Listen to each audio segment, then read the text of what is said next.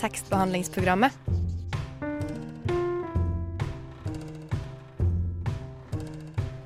Tekstbehandling på radio.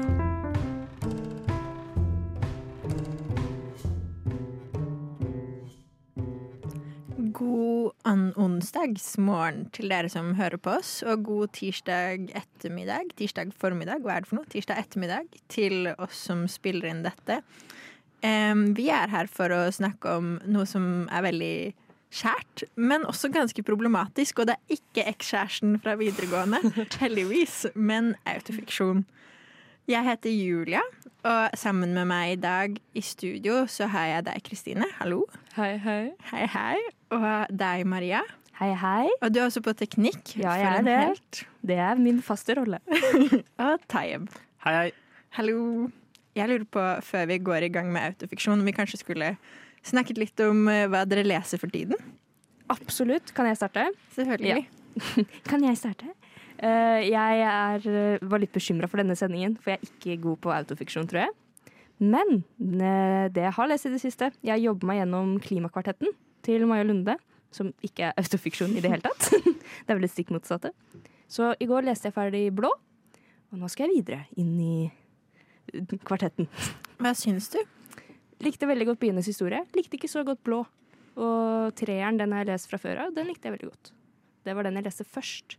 Så det var rett og slett den som fikk meg på For det er jo en eh, kvartett du kan lese Du må ikke lese den i rekkefølge. For de Ja, for følger jo i Ja, De er frittstående. ja, ja, for så vidt. Ja. Så nå gleder jeg meg til å begynne på fireren, som kom ut uh, i fjor. Spennende. Eh, jeg, eh, jeg har lest eh, mye pensum i det siste, så holdt på å sovne. Men jeg leser nå Jeg tror den heter 'Anarchy in Ukraine', skrevet av en ukrainsk forfatter. Og jeg vet ikke helt hva den handler om ennå, fordi jeg er ganske, ganske mye på starten. Og jeg har et problem, fordi jeg leser den før jeg legger meg. Så når jeg våkner opp, så husker jeg ingenting. Så jeg må starte på nytt. Så så enten blir jeg bare, er det en del et sånn aldringstegn, eller så må jeg lese tidligere på dagen. Hva det er Kristine? Ja, apropos autofiksjon, så har jeg nettopp gått i gang med en eh, bok av en forfatter som heter Cookie Muller.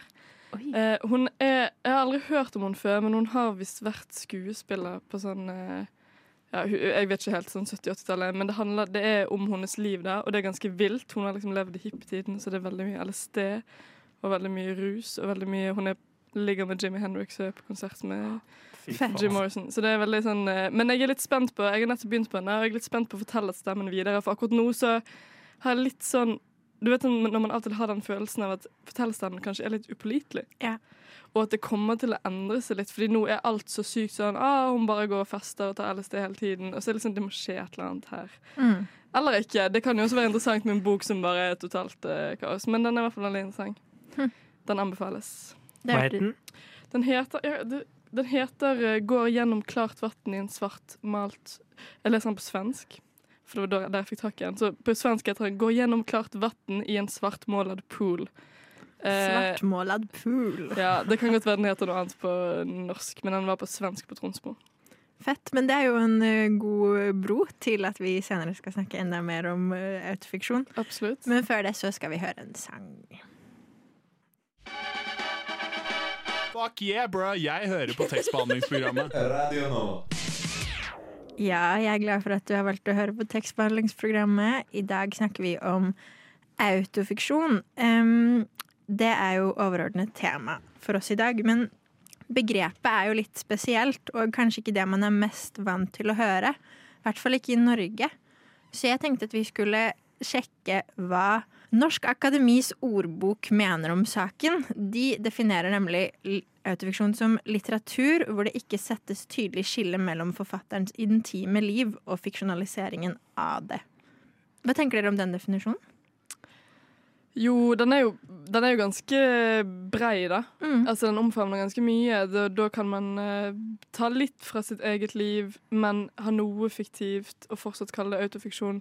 Eh, så den eh, definisjonen forutsetter jo ikke at alt må være på en måte identifiserbart. eh. Jeg, er- jeg, jeg er tilhenger av en ganske bred definisjon, fordi man har jo på den ene, fiksjon, på ene siden ren fiksjon, ren dikting, ikke sant? som på en måte på, på visse områder kan gi innklang med visse virkelige hendelser eller visse virkelige personer, så har man på den andre sida litteratur som er memoarer eller dagbøker. Og jeg føler der disse to på en måte kolliderer, eh, oppstår autofiksjon. Da, og det vanskelige er derfor denne gråsonen uten klare avgrensninger. Eh, og da, det er der liksom autofiksjon ligger, da. Mm. Ja, det blir vanskelig å holde tunga rett i munnen. Hva er hva?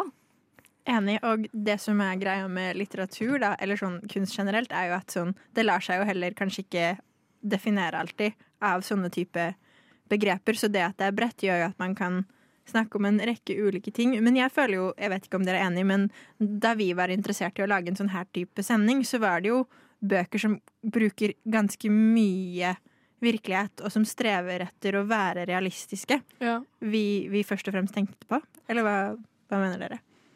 Ja, jeg føler jo at eh, Når jeg tenker på virkelighetslitteratur eller autofiksjon, så tenker jeg på typ forfattere som hvor nesten alt er identifiserbart, og så har man kanskje brukt på en måte fantasi, eller man har noen litterære virkemidler som gjør det på en måte til en roman, men at det her er det ingen tvil. Det er liksom ikke sånn 'å, det minner litt om livet', men er det det? Bortsett fra kanskje den ene, da, som vi kanskje skal snakke om, eh, arv og miljø Vigdis Hjorth. Er litt mer tydelig. Det er sant. Det er et godt poeng. Jeg syns det er interessant akkurat det, da, at det som er hva man kan på en måte identifisere som er sant eller ikke. Og jeg føler ofte det er, i hvert fall kanskje ikke i litteraturen, men ofte i andre medier som, som film eller TV-serier, hvor måte ting utgir seg da, for å være sannhet. Jeg husker det var en TV-serie på NRK som het Atlantic Crossing. Og hver, etter hver episode så var det masse artikler om og er det riktig gjerdfeil, er det, er det i overensstemmelse med sannheten. da? Og jeg blir så irritert hvor på en måte, folk blir så opphengt i hva som skal stemme og ikke stemme, kan man på en måte ikke la Eller når jeg leser autofiksjon, da, eller ting som gir ut for å være autofiksjon, eller til ren fiksjon, så på en måte innbiller jeg meg at det skal på en måte være sant for at måte, det skal være bra litteratur. da. Uh, ja, at, liksom, Folk blir så opphengt da, i å skille det ekte fra det falske, og jeg tror ikke det er en, et problem nødvendigvis. Men i et, sånn, i, en, i et verk som f.eks. skildrer noe, noe kriminelt eller noe litt problematisk, så er jo kanskje de skillelinjene litt For la oss si at noe er sant og noe ikke er sant, men at man påstår f.eks. at en kriminell handling har skjedd, så er det litt viktig at man har noen klare regler kanskje for hva som er sant og ikke sant. Eller man kan jo Selvfølgelig, man kan uh, tillate seg å skrive om at uh, å, det har skjedd et overgrep, men, uh, men man vet ikke om det er sant eller ikke. Men da risikerer man jo å komme med noen ganske sterke anklager som er litt diffuse. Hva tenker dere om det? Jeg føler man må leve med det, på en måte, hvis man har tatt det valget. Eh, eller hvis man presenterer det på en sånn måte. da. Hadde du noe du skulle si, Maria? Nei, altså Akkurat når det gjelder det med arv og miljø, det blir jo veldig Jeg syns det er vanskelig å forholde seg til. For åh, jeg aner ikke hva jeg skal si. For på den ene siden så har du autofiksjon sånn som arv og miljø, som jo, også, som jo tar for seg familieforhold. Eh, på den andre siden så har du en autofiksjon som Little Women, som også tar for seg familieforhold. Den er langt mindre, ja, hvis man skal si problematisk, da. Mm, det handler jo om hvor hensynsløst eller utleverende noe er, Mm. og at uh, man, ser, man ønsker jo at hver og en skal kunne ha integritet og privatliv i behold. Og hvis man utleverer andre og skildrer dem på en bestemt måte som er så nærme virkeligheten, så sier man noe på vegne av den andre uten å gi dem en stemme, da. Eller gi dem sin Eller sånn, det er en bok uten deres versjon av historien. Så det er jo der det problematiske også oppstår, når det er såpass sant. Og Det som kanskje har vært litt vanskelig med arv og miljø, er jo òg at Vigdis Hjorth, som jeg har skjønt det selv, eh, ikke ville si om det var sant eller ikke. Så hun også skaper en sånn der utydelighet som er sånn at hvis det er sant, så kommer hun med en ganske sterk anklage som kanskje er sann. Eh, men når hun selv da sier at, benekter at det er sant, så blir det òg eh, Men det er veldig identifiserbart med hennes liv og hennes familie.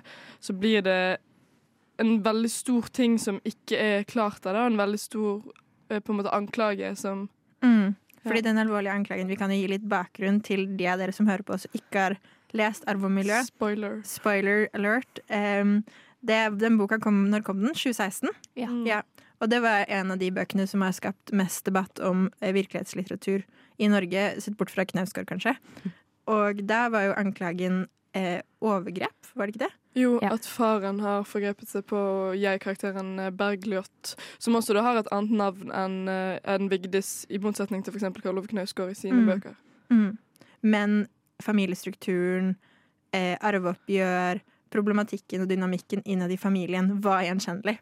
Ja. Ja. Og også de har noen hytter på Hvaler. Ja. Det er veldig mye som er identifiserbart med Vigdis Hjort sitt privatliv. da. Men apropos å kunne komme med et svar, der kom jo hennes søster med et tilsvar som het Fri vilje.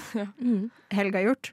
Så det var jo på en måte Det var jo en respons som i hvert fall gjorde ting mer, hva skal jeg si Der var begge versjoner tilgjengelige for offentligheten, da. Det var på en måte en eksem et eksemplarisk eksempel, eller det var et eksemplarisk eh, tilfelle av en god debatt, da, på en måte, fordi det var et uh, motsvar og Mm, og i samme, i samme medie, samme format. Ja, mm. Men jeg tenker på det skillet mellom virkelighetslitteratur og autofiksjon. Hva tenker dere om det? Tenker dere at det er samme ord, eller tenker dere at de tingene betyr ulike ting? Jeg, jeg tenker det ligger ganske nærme hverandre. Jeg har ikke nødvendigvis Kanskje det er fordi jeg, jeg tar litt lett, på det, da, men for meg så flyter de i hverandre, og jeg bruker det om øh, hverandre. Er det, tenker du det er stor forskjell på de to begrepene? Jeg tenker egentlig at virkelighetslitteratur um, Det er jo et norskt ord som, vi, på en måte, som har blitt gjort seg veldig aktuelt med ja, Vigdis Hjorth og Karl Ove Knausgård, som vi kommer tilbake til senere. Og at det strever etter en større grad av realisme, sånn som jeg ser det. Fordi virkelighet, det legges vekt på, og eh, ja, litteratur er i det ordet, men autofiksjon på sin side har jo fiksjon. Og jeg føler at det ordene i seg selv peker på ulike elementer. Men også bare at autofiksjon, som vi nevnte i stad, er kanskje litt bredere. Ja. Men, det, men jeg vet ikke om det er noen, noe grunnlag for å si det. Men vi skal jo komme tilbake til disse begrepene og til disse forfatterne. På tide å skru på tekstbehandlingsprogrammet. Yndlingssykkelen de siste seks-sju månedene er en enhjulssykkel. Vi har Marie Eibert på besøk, jeg og Eline. Marie og Bær. Jeg tenker alltid at en T slutter med ø, h, h, h, h, utropstegn, utropstegn. Det er bare tekstbehandlingsprogrammet. Nei, det var ikke så mye å si. Vi er her i studio for å snakke om norsk autofiksjon akkurat nå, men overordnet autofiksjon.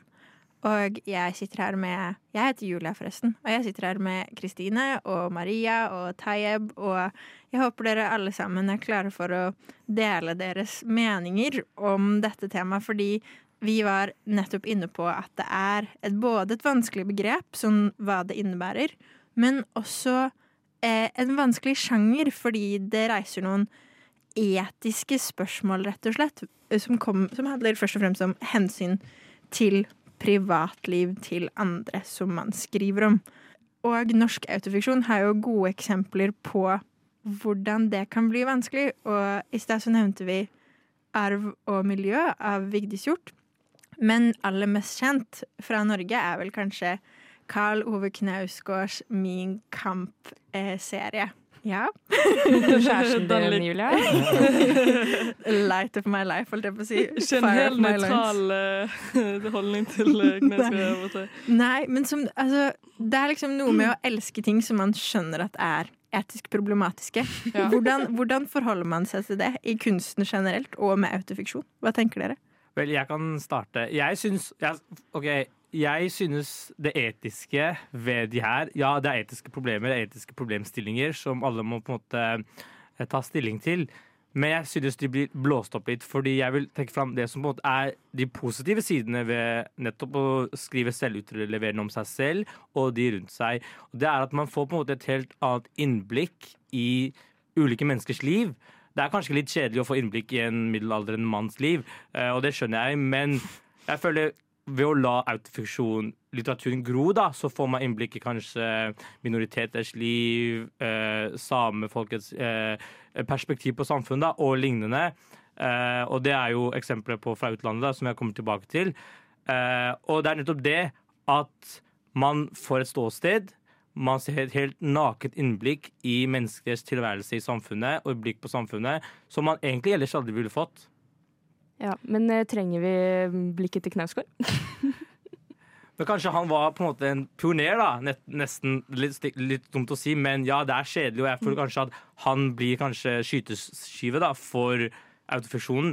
Men si da om 50 år da, hvor mange nye forfattere da tør å skrive utleverende, og det blir kanskje litt normalisert, men vi lever jo et, som man skal si, Vi har jo utrolig mye overvåkning, vi har sosiale medier, vi har alt annet hvor vi utleverer oss selv ubevisst. Så hvorfor skulle ikke også litteraturen ta det nye steget da, inn i det, og på en måte ha, og folk tar mer kontroll da, over sine liv og fortelle om sine opplevelser? Hele livet er egentlig autofiksjon, er det du sier. Nemlig. Alt vi gjør hele tiden. Jeg tror, eh, i alle fall i Norge, så har jo sikkert Knausgård vært nesten litt sånn paradigmeskifte og åpnet opp for en del andre forfattere til å skrive om sitt eget liv. Eh, som jeg er helt enig med kan være veldig veldig kraftfullt, og også sånn politisk veldig eh, sterkt. Og personlig så har noen av mine beste opplevelser vært autofiksjon.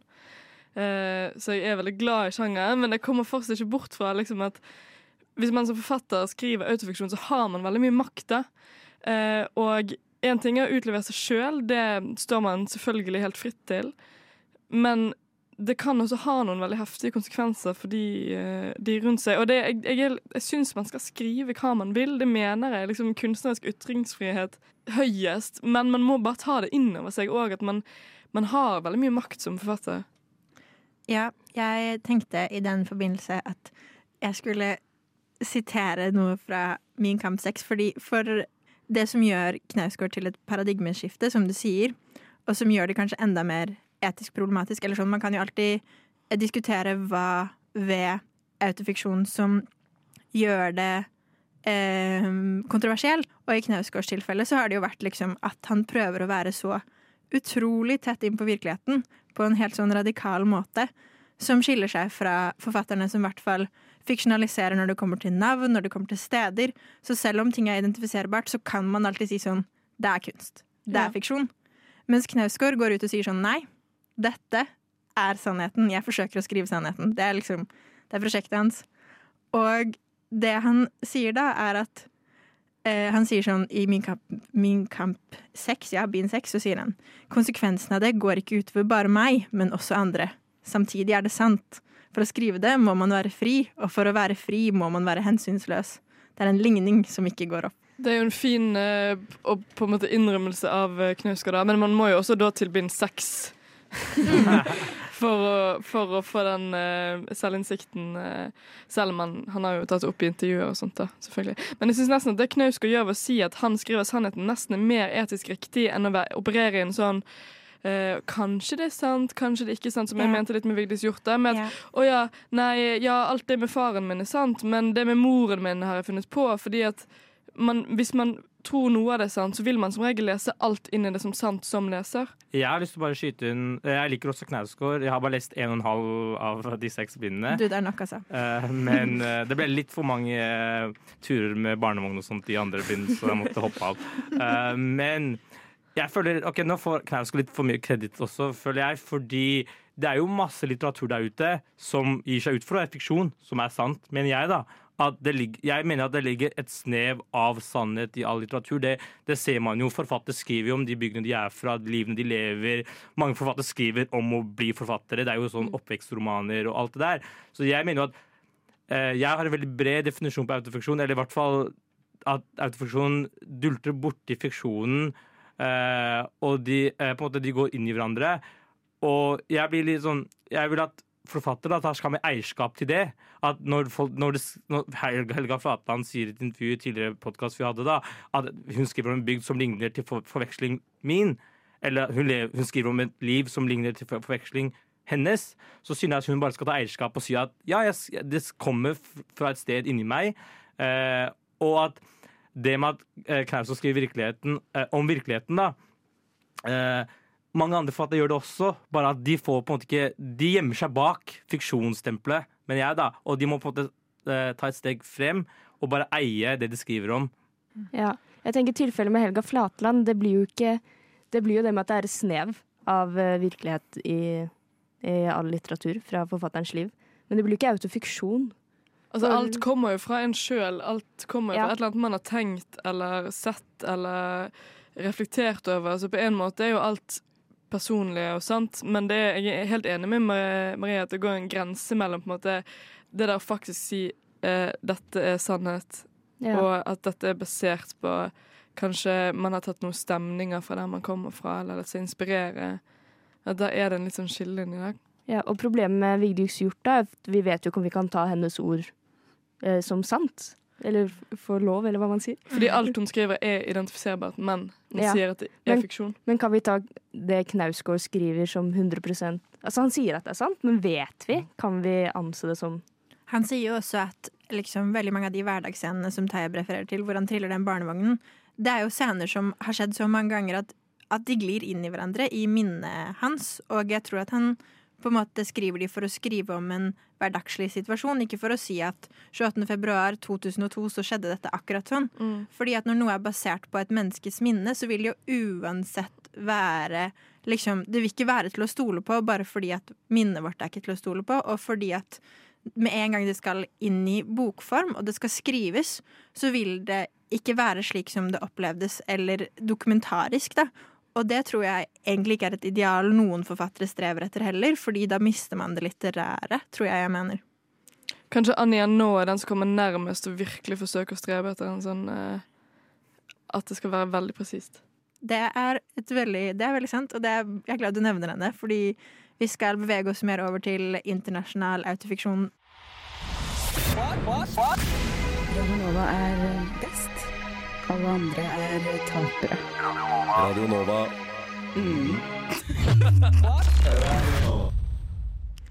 Ja, du hører på Radio Nova og på tekstbehandlingsprogrammet. Vi har snakket masse om norsk autofiksjon fram til nå i denne sendingen. Eh, og vi tenkte at vi skulle bevege oss litt videre og komme inn på eh, annet Anja nå, som du nevnte, Kristine. Og Edouard Louis, som er en personlig favoritt eh, blant, eh, blant flere av eh, oss som sitter her i studio nå. Og jeg lurer på, når jeg sier internasjonal autofiksjon, hva er det som dukker opp i deres hoder? Jeg tenker på Frankrike. Jeg føler Frankrike er hjemlandet til autofiksjon. Og som du nevnte, både Annie og Edvard Louis er jo franske forfattere. Og han, hva heter han, Serge Han heter Serge Dubrovski, han Ja. som coinet begrepet yep. autofiksjon. Uh, det er ikke autofiksjon, men Michel Holbeck sine bøker har til forveksling veldig lignende hovedkarakter, som Ja. han selv eh, chainsmoker og har på seg rufsete jakke og har kjæreste fra Japan som er eh, 30 år yngre enn seg selv. Ja. Så vet ikke, Kanskje det går tilbake i debatten om det, da, hva som er riktig eller ikke, men jeg vil nesten kalle det det. jeg vet ikke. Men jeg føler de forfatterne du nevnte i sted, er de er to eksempler for meg, altså Arnaud og Edward Louis, på at autofiksjon er veldig bra og viktig. Fordi at de fortellingene som de forteller, eh, for eksempel hendelsen til Annie Arnaud som handler om hennes abort, den hadde ikke hatt samme politiske slagkraft hvis det ikke var sant. Det hadde ikke hatt, Hvis det var fiksjon, eller hvis hun hadde solgt det inn som dette bare oppdiktet, så hadde ikke det hatt den samme kraften. Jeg er enig i det, og det samme kan sies om debuten til Edouard Louis, som heter 'Farvel til Edible Girl' på norsk. Han skriver i den boka som, som har kommet nå, den kom vel i fjor kanskje, den forandrer seg i metode, så skriver han helt på slutten av denne at da han sendte inn manuset til 'Farvel til Edible Girl' til ulike forlag, så fikk han gjentatte avslag, og flere av eh, forleggerne ga en tilbakemelding om at dette er ikke troverdig. Vi tror ikke på at dette er sant, og at du har opplevd det. Fordi det var så brutalt. Og det viser jo sånn Når noen da kan stå frem og si dette var mitt liv, dette har jeg levd, dette er mine erfaringer, og det har politiske implikasjoner, da, som er tilfellet både med Anja nå og Edvard Louis, så blir det desto mer kraftfullt. Ja. Det blir sånne vitnesfortellinger, på en måte. Jeg er enig. Men det som er litt ironisk da med Edvard Louis, er jo at han var jo her i Oslo på Litteraturhus. eh, Det var en egen sånn tredagersfestival med han. Og da sa han at han ikke likte begrepet autofiksjon, nettopp fordi det bærte dette fiksjonssuffiksen, prefiksen. Eh, og kanskje han liker å bedre eh, virkelighetslitteraturbegrepet vi har i norsk, da, på norsk, fordi han tenker at tematikken han snakker om, da, om å være homofil på bygda i Frankrike, eller om å venne seg til urbane, liberale eliten i Paris, liksom, og alle de erfaringene han har, da, de på en måte mister sin kraft, og det på en måte avskriver den tematikken han virkelig vil få fram. da. Og han, kaller, han bare kaller det han skriver for autobiografi, altså selvbiografi. da. Eh, Og jeg syns det er eh, utrolig interessant uh, det skillet, måten vi hyller han da, som autofiksjonens store på en måte, helt, ikke liker selve begrepet. da. Ja, Så det er rett og slett fiksjon som han på en Mm. måte ikke vil forholde seg til. Og han mener jo også at og han har også veldig sånn eh, Han blir ofte spurt da om når han faktisk selv skal skrive fiksjon, og det er ofte mange forfattere som skriver fiksjon, får dette spørsmålet, nei, autofiksjon, får spørsmålet når skal du skrive virkelig litteratur? Fordi mange mener jo, eller det er en sånn holdning da, til at det på en måte er litt mindre verdt, eller det er ikke ekte fordi du skriver bare om dine egne erfaringer og sånt. Og han, han har et veldig sånn stort behov for å på en måte skape et skille og på en måte vise at det er fullverdig litteratur, da, og han også ser på fiksjonens tidsalder, autofiksjonens tids, tilstand, tidsalder de neste årene.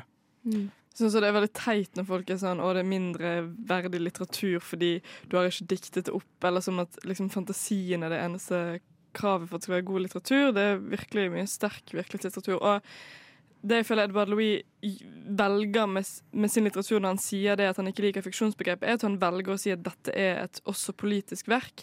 Og jeg skriver det ikke bare for å gi en underholdende opplevelse, jeg skriver det som en, en vitnesfortelling. Og det er veldig sterkt, syns jeg. Jeg syns det er det som gjør faktisk autofiksjon bra, da, eh, i mine øyne. Også ting som på en måte nødvendigvis ikke er sant, men på en måte ligger og slurer i på en måte gråsonene. Fordi når det blir virkelig, da, så gir det på en måte en helt annen sånn på en måte konnotasjon. Uh, og jeg husker akkurat på det du sier, da, det, vi snakker om det med å på en måte rakke ned på uh, virkelighetslitteratur og ikke-litteratur. Edvard Louis hadde en anekdote da, fra Malse Proust på sporet av Den tapte tid, hvor det er en scene hvor det er en tjenestepike og en herre, hennes herre, som Hun plukker opp en eh, fiksjonsbok, da, og så tar han den fra henne og sier at den her er ikke verdig deg, fordi på en måte fantasien Fantasien er et, på en måte eh, eh, for de øy- høyere klasser, da, mens du som må leve i den virkelige verden, da, eh, er dømt til å på en måte ta til deg de tingene du har rundt deg. Og da trekker Edvard Louis fram det klasseperspektivet, da, hvor på en måte den borgerlige på en måte, ideen om fantasi som en høyere makt og høyere på det krav, mens de fattige eller de lenger nede da, må leve med virkeligheten rundt seg. Og det er det Edvard Louis på en måte eh, bruker da, mot samfunnet mot. selv. Ja. Mhm. Det er utrolig Ja, det er utrolig kult eh, at du tar opp det, fordi eh, veldig mange Og det er jo, som, som du også påpeker, Kristine, en litt sånn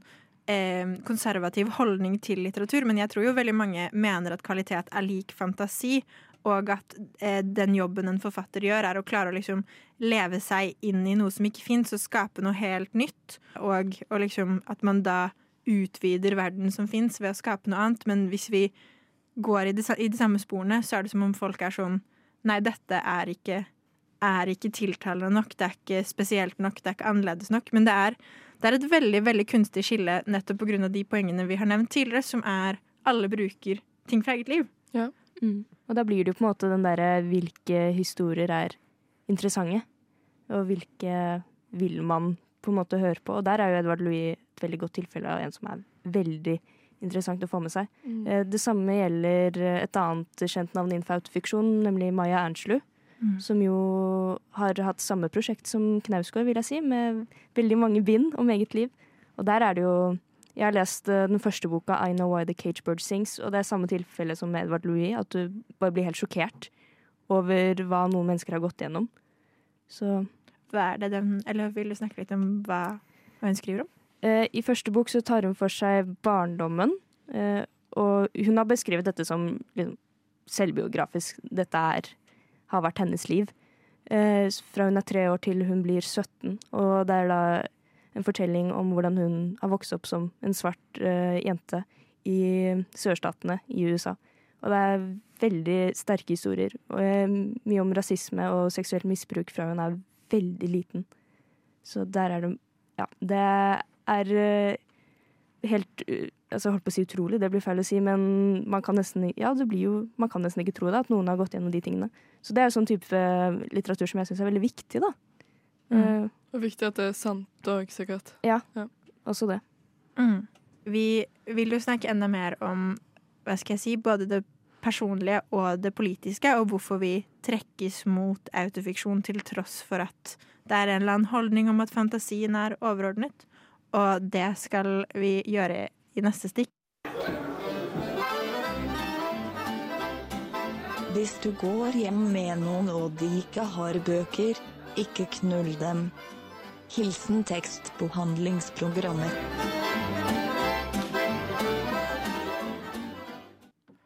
Hei, hei, hei. Eh, vi har fortsatt autofiksjon som overordnet tema, og nå skal vi svare på det, en av de største, største spørsmålene angående autofiksjon. Ikke om det er sant eller ikke, men hvorfor vi trekkes så inderlig til det. Dette selvutleverende, nakne blikket. Jeg vil ikke si at det er et symptom på samtiden, for jeg føler alle, alle mennesker til alle tider har en sånn dragning til å liksom vite litt om andres liv og litt gossip og lignende. Men nå har vi kanskje midlene, redskapene til å gjøre slikt, med massemedier, sosiale medier. Og kanskje også litt litteraturen har tatt dette som en forlengelse. Forlengelse av Snapchat, Instagram, TikTok, Paradise og Keeping Up with the Kardashian. Så tenker dere at dette er et naturlig steg da, i menneskets utvikling? At vi Vi er veldig nysgjerrige. Vi er jo det. Jeg syns det er veldig gøy å sammenligne The Kardashians med autofiksjon. Det er litt sånn voyeurisme, da. At man har en sånn der eh, man har en sånn lyst til å se inn i andres liv og vite litt sånn. Det er jo litt av samme grunn til at noen leser Se og Hør, liksom. At man har lyst til å vite litt sånn details. Og så er det jo litt sånn som du sa, eller sånn som vi snakket om eh, med at det der, eh, at det er based on a true story gjerne blir brukt som litt sånn markedsføring. Mhm. Men på, på den annen side, det gjør jo det, men også, jeg føler hver gang det kommer starten av en film eller ikke, så er det sånn Hvorfor ser jeg bare ikke på en dokumentar da? Men det er kanskje fordi det virker litt billig triks òg. Ja, sånn, ja, ja, OK. Mm, så liksom, man ser det litt ned Det er sånn, litt tvetydig at det er utrolig populært med true crime og alle disse sånne der, eh, andre verdenskrig-filmene eller krigsfilmer og sånn som på en måte skal være sanne fortellinger om hendelser. Men på den annen side så er det så populært at det blir nesten sett ned på, ned på da, og det ikke, på en måte ikke er ekte. Ja, men jeg tror greia er at hjernene våre er rett og slett så simple at eh, så lenge en historie blir fortalt uh, som det skulle vært uh, fiksjon, lagt opp uh, rett og slett på den dramaturgiske måten, så er vi mye mer interessert i det enn hvis det skulle vært lagt frem veldig saklig. Så selv om du da tar en true story, så blir den mer fristende og mer interessant å følge med på hvis du bruker det der dramaturgiformatet. dramaturgiformatet. Men tror dere at det er liksom uunngåelig at så lenge kunsten eksisterer, så lenge folk gjør noe, da, at vi litt sånn ubevisst på en måte forteller vår egen historie. Så Det er jo utrolig mange bøker der ute, eller forfattere, eh, forfattere filmskapere, som kanskje ubevisst da, lager en film, og etter at den er blitt produsert og sendes på skjermen, så er det sånn Oi, jeg har jo bare skrevet min egen barndomshistorie, eller filmatisert det her. Da. Det er jo utallige eksempler på det, sånn som bare Zezan Shakar sine tre bøker, liksom. De viser jo litt sånne elementer av hans eget liv i Norge, eller eh, Charles Bukowskis Postkontoret. Eh, eller eh, Steven Spielberg har jo kommet med en ny nå film. Eh, og det er jo rett og slett en selvbiografi, eh, Mm. mer eller mindre. Tenker dere at det er, det er noe sånn Hvis du skulle skrive en tekst, så ender du opp med å skrive om deg selv. Er, er vi såpass simple da, i hjernen vår, sånn som eh, du Ja. sier? Jeg tror absolutt det. Den historien vi kjenner best, er jo vår egen. Og så det at man har en forteller, et fortellerbehov som forfatter eller filmskapere har, kommer jo gjerne fra at man har en eller annen erfaring som man tenker at dette vil jeg gjerne dele Mm. med verden. Men jeg tror også det er for sin egen del at man på en måte Um, for å bruke den klisjeen, finner seg selv gjennom å skrive sin egen historie. At det handler om å få eierskap til eget liv og kontroll over det, på en måte. Uh, og at det også sikkert er et eller annet slags sånn grunnleggende behov. Men jeg tror jo også at fokuset på jeget har blitt større Ja. enn hva det har vært. Også bare fordi, som du nevnte, Taye, vi speiler oss selv hele tiden. Vi ser oss selv i speil, vi ser oss selv på sosiale medier, vi representerer oss selv i sosiale medier, i jobbsettinger. Alt handler om hvor, hvorfor vi gjør det vi gjør, heller enn at vi bare har en funksjon og en rolle i samfunnet, sånn som i tidligere tider, da, innbiller jeg meg. Ja. Vi er så veldig selvbevisste nå at jeg tror at den type form for litteratur som vi finner noen som helst eh, nytelse av, er jeg-litteratur, rett og slett. Er det derfor vi også vil ha så utrolig mange politikerbiografier og influenserbiografier og sportsbiografier? Jeg er Zlatan, eh, forbilde av Sofie Elise. Ja, det er veldig viktig for meg å kunne lese og late som at jeg er Trond Giske. Det er veldig viktig for meg. Du må, hans historie må hans side må også ut, eh, mener noen. Men for hvor går egentlig skillelinjen der, da, mellom memoar eller selvbiografi og autofiksjon? Jeg er, jeg er pro en blurry skille, fordi jeg leser veldig mye. Eller jeg føler, det er min favorittsjanger er biografier og eh, roma, ikke romaner. Dagbøker og eh, memoarer. Eh, fordi, det er nettopp fordi jeg ikke vil at det skal skille mellom jeg-personen og forfatteren. Jeg vil faktisk vite. da. Sånn som den boka du leser, hun som er på syre fire timer og, ja, og puler rundt. Det er, det er gøy, det er gøy å at det faktisk er, og jeg lever inn i henne, hennes eh, eh, tilværelse, da. Ja. Uh, så kan man uh, si at man kan politisere det her og der, eller ikke gjøre det. At det blir bare en personlig gjenfortelling av sitt liv. Og jeg synes at folk, flere folk må gjøre det. Ikke politikere, ikke influensere, men vanlige folk, vær så snill. Hm. Men hva Det har jo du nevnt så vidt før, Thea, men, men syns vi på en måte at det er mer rettferdiggjort hvis det er sånn som Edvard Louis og Anja nå, at det er politisk, og det har en agenda, og det trenger å være sant for at vi skal forstå alvoret og viktigheten i budskapet? Fordi det personlige kan jo fort bli litt sånn reality-aktig på en måte som er sånn men Dette er bare tilfredsstillelse, liksom. Dette er bare sladder. Dette er bare at vi er nysgjerrige på andres personlige og intime liv. Jeg syns kanskje virkelighetslitteraturen har litt større slagkraft dersom jeg opplever at Sånn som jeg gjør med Enion og Edward Louis, at det har en, sånn, et, en kollektiv agenda. At han snak, Selv om det er en personlig historie, så forteller det om noe mer enn bare Edvard Louis. Det forteller om et helt, eh, et helt samfunn, om en klasse. Eh, mens med Cookie Miller er det jo altså Der er det jo Eller det forteller jo kanskje om en tid, det òg, da. Eh, om hipptiden og alt det der. Men eh, det er kanskje mer en underholdningsverdi å lese om at hun puler Jimmy Henriks enn at Edvard Edward Louis har begått klassereise. Det er litt interessant, eh, for jeg har et sitat fra Edvard Louis når han var her i Oslo. Han sa at 'memory is my field of research', og han på en måte påpeker at det er ikke nødvendigvis på en måte da kanskje trekker han fram at det ikke nødvendigvis er sannheten i livet sitt, da, men det er, ikke, det, er ikke må, det er ikke nødvendigvis det livet han har levd, men måten han har husket og er- erindret fortiden på, som er det elementære, og det er det som måte gir kvaliteten da, til litteraturen hans. Og det tror jeg også Knausgård er inne på eh, i de siste bindene hans, for jeg, fordi han også tviler veldig mye på om han husker ting riktig, og, eh, og går tilbake til de første hendelsene i de første bøkene og sånn. Og jeg tror det er der på en måte, i hvert fall kvaliteten, hvis vi skal snakke om kvaliteten da, i uh, autofiksjon, for det er jo ikke ren dagbø det er ikke rene dagbøker, det er ikke rene memoarer, men det er en måte å erindre og huske, eh, huske fortiden på. Og ja, Da kan jeg spesielt trekke fram hans andre bok, tror jeg, som heter 'Voldens historie'. Mm. Fordi den er jeg tror, jeg husker, den er på en måte skrevet i tre ulike perspektiver, hvor han forteller samme historie eh, når han, han selv forteller det til noen, og så er det selv han husker søstera si forteller det til moren eller noen, et familiemedlem, og så er det også måten det skjer på. da. Og disse tre ulike fortellermåtene flettes inn i hverandre, og det er helt fantastisk gjenfortalt. Eh, og det er der på en måte, kvalitetene hos han ligger. da. Og så kommer det politiske opp, og der igjen. Men det må ikke nødvendigvis politiseres.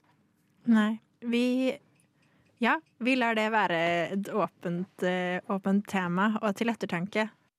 You have bewitched me, body and soul, and I love, I love, I. Tekstbehandlingsprogrammet på Radio Nova. Ja, vi er helt, helt på slutten av vår autofiksjonssending, og Tayeb, i forrige stikk så avbrøt jeg deg jo egentlig litt, så jeg skal gi deg ordet. Hva, hva føler du nå? Tusen takk. Eh, jo, jeg eh, føler De observante lytterne har kanskje skjønt at jeg er veldig glad i Edvard Louis, men jeg må komme meg ut av dette ekkokammeret. Eh, så jeg vil gjerne ta imot anbefalinger på annen type autofiksjon. Eh, Maria, har du noe å tilby? Oi, om jeg har noe å tilby?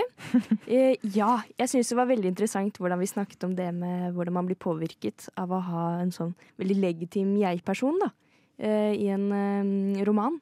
Eh, og i 'Intet nytt fra vestfronten' av Erik Maria Remarque eh, så har vi da en jeg-person som er veldig legitim fordi eh, historien, boka, handler om en ung soldat, en tysk ung soldat i første verdenskrig. Og Remarque var også i første verdenskrig.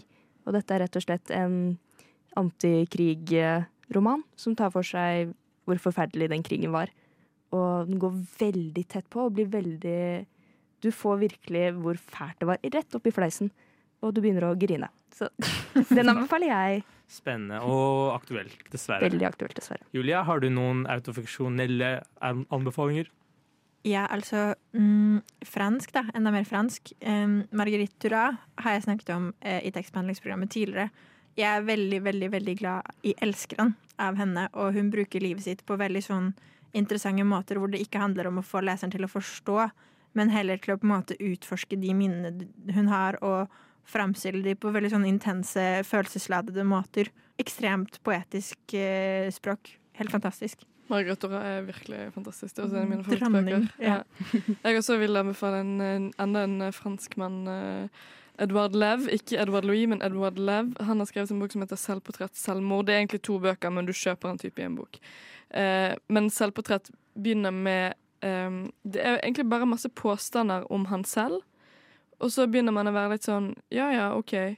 Men så etter hvert så er det liksom det skjer et eller annet hvor man kommer veldig veldig nært et annet menneske. Det var en veldig spesiell leseopplevelse, men man blir plutselig sånn Oi, han blir veldig tydelig for deg. Eh, veldig spesiell bok. Har aldri lest noe lignende, så den anbefales på det sterkeste.